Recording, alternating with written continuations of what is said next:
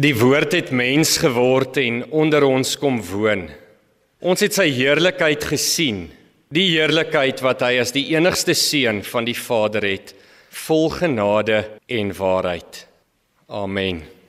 Liewe broers en susters, genade en vrede vir julle van hom wat was en wat is en wat weer sal kom en van die sewe geeste voor sy troon en van Jesus Christus die geloofwaardige getuie hy wat die eerste is wat uit die dood opgestaan het die heerser oor al die konings van die aarde.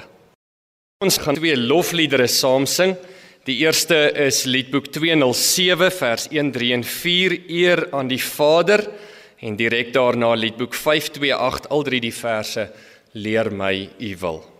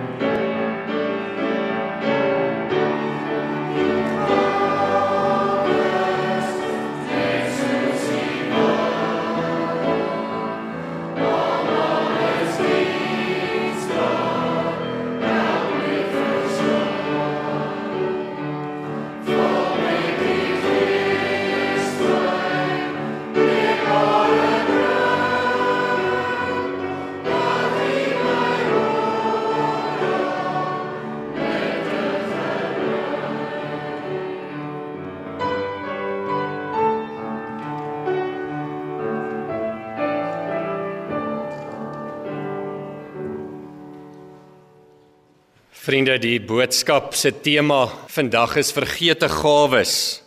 Genadegawe van onderrig.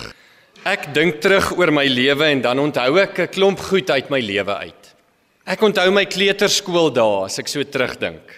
Ek onthou my laer en hoërskool dae wat kinderkerk en kategese lesse, belydenisjaar klasse, CSV en landsdiensbyeenkomste ingesluit het.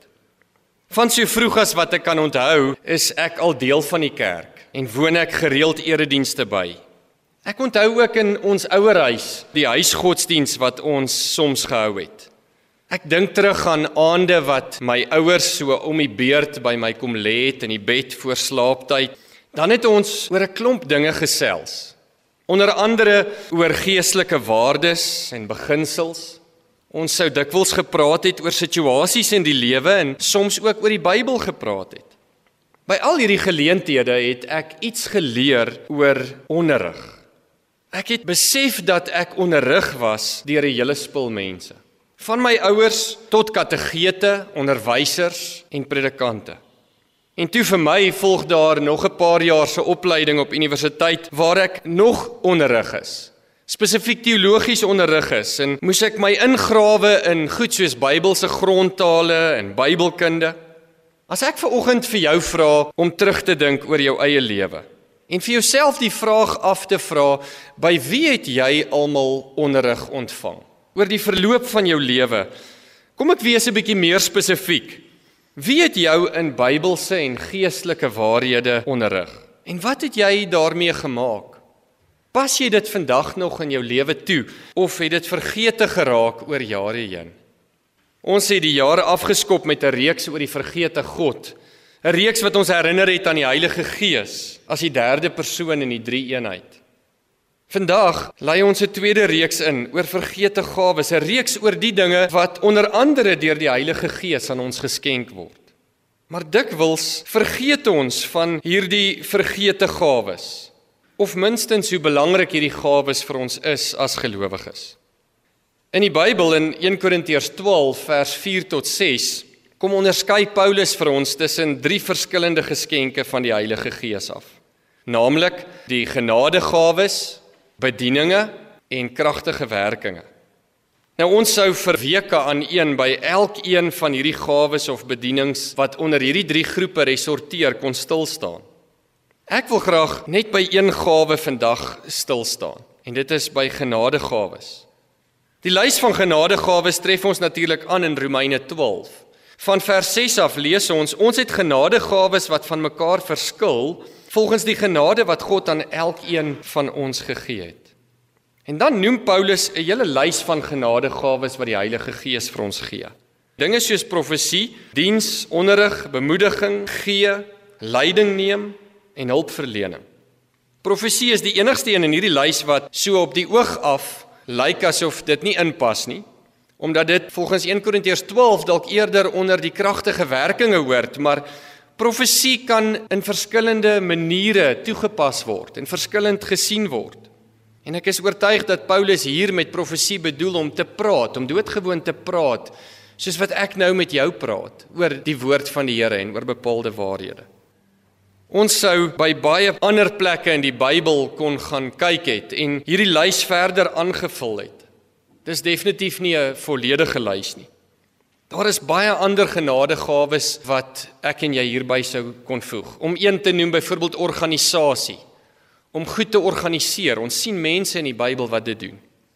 Nou dit is so dat sommige gelowiges 'n baie spesifieke gawe van die Here ontvang om dan spesifiek onderrig te gee. Dis 'n baie spesifieke genadegawe. En ons sou kon sê dis mense soos dalk kategete, onderwysers, kursusaanbieders en selfs leraars. Alhoewel leraars natuurlik ook onder die tweede groep van 1 Korintiërs 12 sou kon gereken word, naamlik die bediening van leraar. As dit praat van apostels, evangeliste, profete, herders en leraars wat ons in Efesiërs 4 kry. As ons egter oortuig is dat net sommige mense 'n spesiale genadegawe van onderrig deur die Heilige Gees geskenk ontvang het, kan dit die res van ons as gelowiges maklik half laat voel dat ons gevrywaar is van onderrig. Met ander woorde, net spesifieke mense het hierdie spesiale gawe gekry van die Here af. En ek wil dit weer sê, natuurlik is daar mense wat 'n groter gemaklikheid het om onderrig te gee. Maar ek is nie oortuig dat ons vir mekaar moet sê dat net sommige mense kan onderrig nie. As ek deur die Nuwe Testament blaai, dan kom ek gereeld op voorbeelde af waar mense onderrig gegee het vir ander of waar mense onderrig is deur spesifieke mense. En ons sou weer eens kon oordeel dat hierdie mense waarvan ons lees op al hierdie plekke in die Nuwe Testament regtig mense is wat 'n spesifieke gawe van die Here ontvang het om dit te doen. Ek dink byvoorbeeld aan Handelinge. In Handelinge 11 vers 26 sien ons hoe Saulus en Barnabas mense onderrig. En net 'n paar hoofstukke verder in Handelinge 15 lees ons dat hulle twee saam met baie ander mense onderrig het in die waarheid en in die woord van God. Ons kry in Handelinge 18 vers 25 'n verwysing na Apollos wat ook van die vroeë medewerkers was. Een van die apostels wat die evangelie gebring het en mense onderrig het in die waarheid en die woord. So in al hierdie gevalle het diegene wat onderrig is, moet ons vir mekaar sê en moet ons glo dit weer aan ander gaan oordra. Dit kan tog nie anders nie. Ek kan tog nie iets ontvang en dit nie vir iemand anders aangee nie. En die rede hoekom ek so seker is daarvan is dat ons weet uit buitebybelse bronne hoe geweldig eksponensieel die vroeë kerk gegroei het.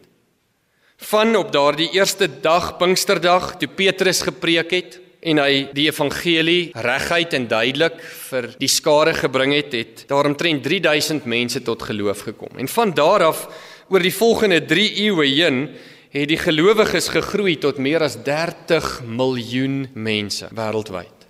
Dis eksponensiële groei. En hierdie groei kon onmoontlik teweeggebring gewees het deur 'n handjievol gelowiges wat net spesifieke genadegawe van die Heilige Gees ontvang het om te onderrig. Dis net doodgewoon nie waar nie. Dit maak nie vir my logika sin nie. En daarom lees ons op 'n klomp plekke van mense wat onderrig is. Mense wat onderrig het. Ons lees byvoorbeeld in 1 Korintiërs 4 vers 17 hoe Paulus vir Timoteus onderrig het en ons gaan nou by 2 Timoteus se teks uitkom wat ek graag vir julle wil lees. Galasiërs 6 vers 6 bied 'n baie besondere, interessante perspektief wat ek dink dit bevestig wat ek vir jou sê. Dat 'n klomp mense kan onderrig. Iemand wat onderrig ontvang in die woord van God, skryf Paulus, moet sy leermeester laat deel in al die goeie dinge wat hy het. Daar staan iemand wat onderrig ontvang. Nie diegene wat die genadegawe van onderrig het nie, maar iemand wat onderrig ontvang. En is baie duidelik uit die konteks dat dit nie die leermeester is nie, die een wat opgelei is of die genadegawe van onderrig ontvang het nie, maar die een wat aan die ontvangkant staan Hy word opgeroep, sy word opgeroep deur Paulus om weer 'n leermeester te laat deel in dit wat hy of sy geleer het by wie ook al.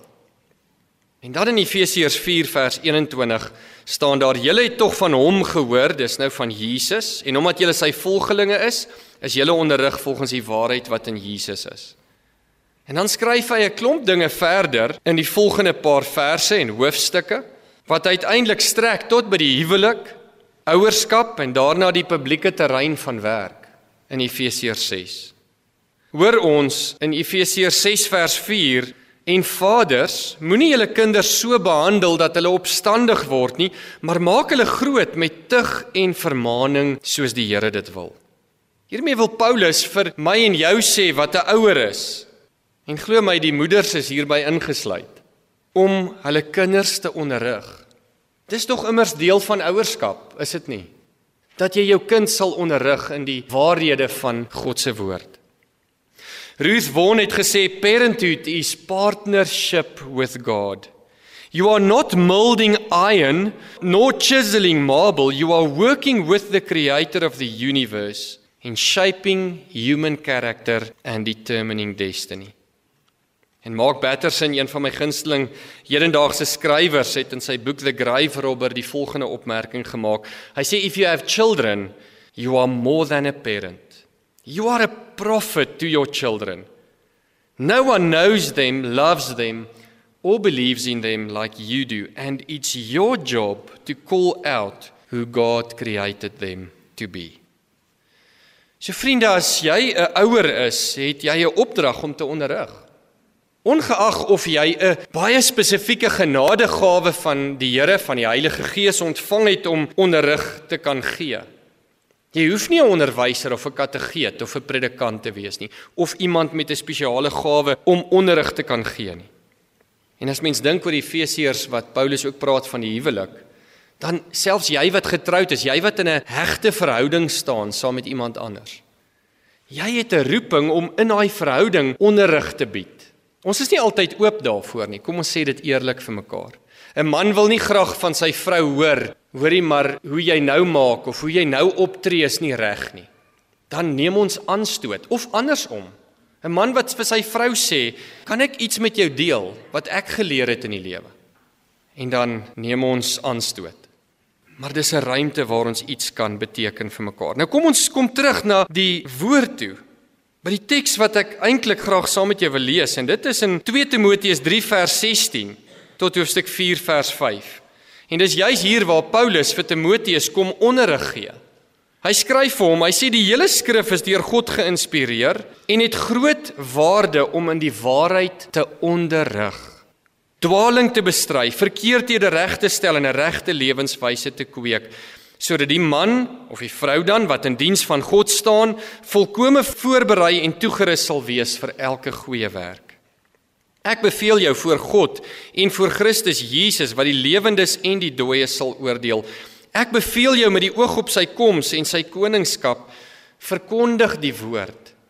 Hou daarmee vol, tydig en ontydig. Weer lê, bestraf, bemoedig deur met alle geduld onderrig te gee. Want sê Paulus, daar sal 'n tyd kom wanneer die mense die gesonde leer nie meer sal verdra nie. Hulle sal hulle eie begeertes volg en vir hulle leermeesters bymekaar maak wat net sal sê wat hulle graag wil hoor. Hulle sal die waarheid nie wil hoor nie en hulle tot verdigsels wend. Maar bly jy in alle omstandighede nugter. Timoteus, verdra lyding, doen jou werk as verkondiger van die evangelie, voer al die pligte van jou bediening uit. Ons lees net tot hier toe.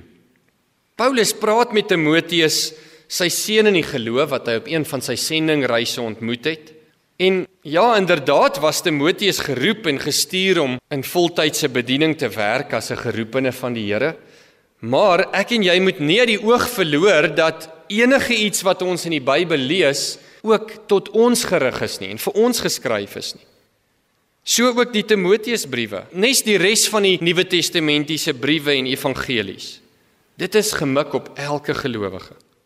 En vers 17 van 2 Timoteus 3 kom beklemtoon dit sodat die man of die vrou wat in diens van God staan volkome voorberei en toegerus sal wees vir elke goeie werk. Hoofstuk 4 se eerste 2 verse sê ek beveel jou voor God en voor Christus Jesus verkondig die woord. Hou daarmee vol tydig en ontydig, weer lê, bestraf, bemoedig deur met alle geduld onderrig te gee. Nou kan ons vra, hoe moet hierdie onderrig geskied? Wel, Paulus kom sê dit, tydig en ontydig. Dit beteken deurlopend, daagliks, weekliks. Dit beteken as iemand jou daarvoor vra en selfs as iemand jou nie pertinent vra vir 'n stuk onderrig nie, maar hier is 'n geleentheid wat opduik om 'n stukkie onderrig te kan gee vir een van jou kinders of kleinkinders of vir iemand anders se kind of vir jou eggenoot of vir 'n kollega by die werk tydig en ontydig. En hierdie onderrig sluit 'n hele paar belangrike dinge in. Ons hoor heel eerste weerlegging om te weer lê. Dit wil sê om dinge wat nie reg of waar is nie, met ander woorde vals te weer lê. Jy skuif dit een kant toe, want jy sê dit wat ek nou hoor, dit wat jy nou vir my sê is nie die waarheid nie dan is ek en jy met niks anders besig as 'n stukkie onderrig nie. Want ons weet wat die woord hieroor sê. En hierdie wat iemand vir my of jou sê, is dalk meer van 'n opinie of dalk iets wat ek as waarheid gehoor het of gelees het op 'n ander plek. En nou kom deel hulle dit met my en jou. En dan sê die evangelie vir ons eintlik by monde van Paulus maar weer lê dit. Die tweede ding wat ons kan doen as deel van onderrig is bestraf. Dit beteken om iemand skerp te reg te wys op hulle foute en verkeerde optrede. Ek het in die wotum van hierdie diens begin met Johannes 1 vers 14 wat sê Jesus, die woord het na ons toe gekom vol genade en waarheid. En daai is twee kante van dieselfde muntstuk. Aan die een kant moet ek en jy altyd wanneer ons met mense werk, vir mense antwoord oor iets, reageer op iets, moet ons dit doen met genade. In Engels with grace. Ons sê dit op 'n mooi manier, 'n liefdevolle manier, maar die ander kant, die teenkant, broer en suster, is waarheid. Dit beteken dis nie iets wat sis of so kan wees nie. Dit is 'n enkele waarheid wat ek reguit met jou moet deel wat dalk iets anders kan wees as wat jy glo of wat jy nou net vir my gesê het. So wanneer ek met iemand praat en hulle baie duidelik in 'n verkeerde koers is, 'n verkeerde rigting inslaan in hulle denke of in hulle woorde of optrede, dan beteken dit ek en jy het nodig om in liefde, ek sê dit weer, in liefde hulle te bestraf, om te sê jy kan nie dit doen nie. Dit is natuurlik baie makliker om dit te doen met ons kinders of met enigiemand wat jonger is as ons. Probeer dit 'n bietjie met jou man of jou vrou die een met wie jy in verhouding staan wat in dieselfde portuïergroep as jy is, ouderdomsgroep. Probeer dit 'n bietjie met iemand wat ouer is as jy, 5 of 10 of 20 jaar ouer is as jy, jou senior. Dan is dit nie so maklik nie, maar ons word opgeroep in terme van onderrig om ook te bestraf, nie net te weerlê nie. Dan die derde een en dis so 'n mooi een vir my waarmee Paulus dit afsluit wanneer hy met Timoteus praat, is bemoediging. Om iemand moed in te praat wanneer hulle afvoel of selfs depressief is. Dat ek vir iemand woorde van hoop bring. Sagte, heerlike woorde. Die vraag is vir wanneer is hierdie onderrig nodig? En Paulus antwoord ook dit vir ons. Hy sê vir 'n tyd wanneer die mense die gesonde leer nie meer sal verdra nie. Kan ek jou sê ons is ongelukkig lankal reeds in hierdie era van die geskiedenis.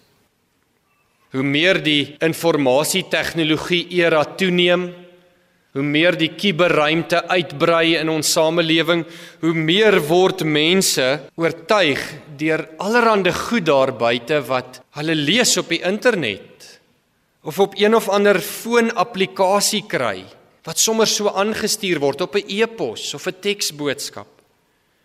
Paulus waarsku, hulle sal hulle eie begeertes volg en vir hulle leermeesters bymekaar maak wat net sal sê wat hulle graag wil hoor. Hulle sal die waarheid nie wil hoor nie en hulle tot verdigsels wend. Hulle sal die waarheid nie wil hoor nie en hulle tot verdigsels wend.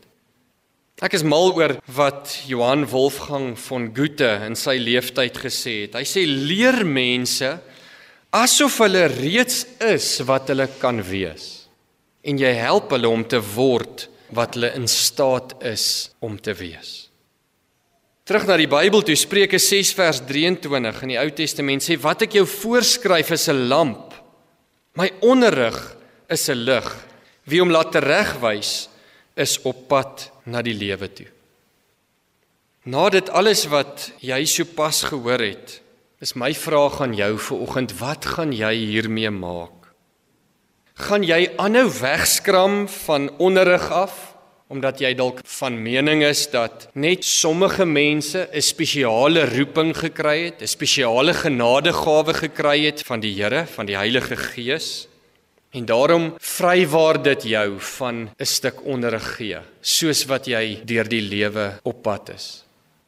Of gaan jy agslaan op wat die Here by monde van Paulus hieroor op verskeie plekke in die Nuwe Testament geskryf het, maar veral ook hier in 2 Timoteus 3. As elkeen van ons as gelowiges op grond van vandag se boodskap begin erns maak wat onderrig aanbetref. En elke geleentheid wat opduik met albei hande aangryp om iets te deel uit my eie lewenservaring. My eie geloofsreis. Hierdie preek waarna jy ver oggend luister, hierdie boodskap of watter ander boodskap ook al, geestelike boodskap, preek, artikel wat jy gelees het waaruit jy iets prakties wys geword het wat waardevol is vir iemand anders. As jy hierdie geleenthede met albei hande aangryp, dink net wat die impak hiervan kan wees op ons huwelike, op ons gesinne en selfs op die breër samelewing. Ons durf nie onsself te verskoon en te sê maar ek het nie 'n genadegawe van die Here nie. Net so terloops as jy oortuig is omdat jy self tot die oortuiging gekom het of omdat ander mense by herhaling oor jou lewensverloop heen vir jou gesê het, hoorie maar jy is begaafd. Hoorie jy dra ding so duidelik oor. Jy maak dinge so helder vir 'n mens dan moet jy natuurlik daarmee voortgaan. As mense jou oortuig het of die Heilige Gees het jou oortuig dat jy hierdie genadegawe het, dan moet jy jouself verder daarin ingrawe en elke dag attent wees op geleenthede waar jy kan onderrig. Maar vir die res van ons, ons word nie uitgesluit nie. Want die Bybel, van die Ou Testament tot die Nuwe Testament en spesifiek hier waar ons lees in 2 Timoteus 3, hoor ons dat ek en jy tydig en ontydig eintlik die woord moet verkondig wat 'n stuk onderrig is. Ons behoort nie verskoning te maak nie. Ons behoort nie lyf weg te steek nie.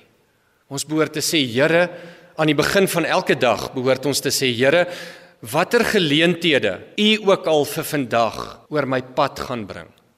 Help my om fyn te kyk en fyn te luister en te reageer soos nodig om dalk te weer lê of te bestraf of te bemoedig na die positiewe kant toe. Maar help my om 'n instrument in u hand te wees wat onderrig bied vir ander. Ek wil afsluit met 'n laaste perspektief wat ons nie moet mis nie. En dit is dat wanneer ander na ons kant toe kom, na ons toe oorstap, ons aan die skouer vat, ons in die oë kyk en sê ek het nodig om vir jou iets te sê. Ek het nodig om uit my lewenservaring of uit dit wat ek gehoor het by die Here vir jou iets te sê dat ons dit met oop hande, oop arms sal vat, met 'n oop gemoed. Want so dikwels kom mense na ons toe met 'n stukkie onderrig en dan neem ons aanstoot. Dan dink ons, wie is jy om vir my te wil preek of vir my te wil sê hoe ek moet leef of hoe ek moet praat of hoe ek dinge moet doen? En mag dit wees dat ons nie daardie oomblikke in die lewe ignoreer nie. Want God praat op allerlei maniere. Hy praat primêr deur sy woord en deur die skepping. Dit lees ons in ons belydenisskrifte. Maar natuurlik praat hy ook direk met ons deur sy gees. Praat hy veral ook met ons op 'n daaglikse basis deur mense om ons. En partykeer is dit die mense die naaste aan ons. Glo my, jy het 'n stem. Jy en ek het iets om te sê. Elkeen van ons kan 'n waardevolle bydrae lewer en betekenisvolle onderrig bied op eenvoudige maniere in verskillende situasies van elke dag. Soos Paulus vir die Efesiërs gesê het, herhaal ek in die slot van hierdie boodskap ook vir jou. Maak die beste gebruik van elke geleentheid, want ons lewe in 'n goddelose tyd. So in aansluiting by Paulus se boodskap aan Timoteus wat hy sê tydig en ontydig want daar sal 'n tyd kom wanneer die mense die gesonde leer nie meer sal wil aanvaar nie. Mag ek en jy gereed wees om die onderrig te gee waarvoor die Here ons roep op 'n daaglikse basis en mag ons oop wees vir sy onderrig vanuit ander oorde. Amen. Kom ons bid saam. Hemelse Vader, Dankie dat ons kan weet dat daar besondere gawes is wat U gee vir mense, ook genadegawes. Soos wat Romeine 12 sê, waarvan een van hulle die genadegawe van onderrig is. Here, maar ons as gelowiges kan so maklik op grond hiervan onsself verskoon of ons uit die voete uitmaak en sê ek het niks om te gee nie, ek het niks om by te dra nie. Help ons om te besef dat U elkeen van ons roep vir 'n stuk onderrig aan ander en dat ons nie sal vergeet om onsself oop te stel ook vir onderrig van ander na ons toe. Kom vorm ons deur u woord en deur u gees. Ons bid dit alleen in die naam van Jesus ons Here, die groot leermeester wat ons die wêreld instuur om sy boodskap verder te versprei. Amen. Kom ons sluit af met Liedboek 504 vers 1, 3 en 4. Kom laat ons saam tot Jesus nader.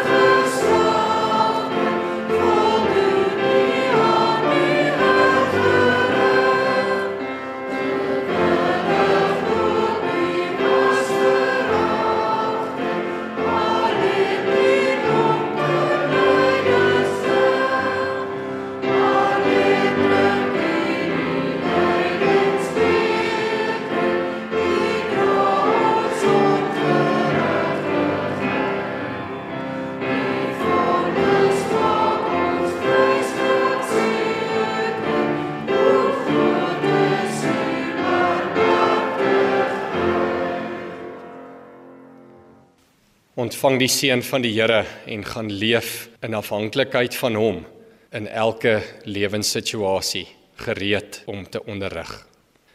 Mag die genade van ons Here Jesus Christus, die liefde van God ons Vader en die kragtige teenwoordigheid en werking van sy Heilige Gees met jou wees en jou lei in sy waarheid en genade.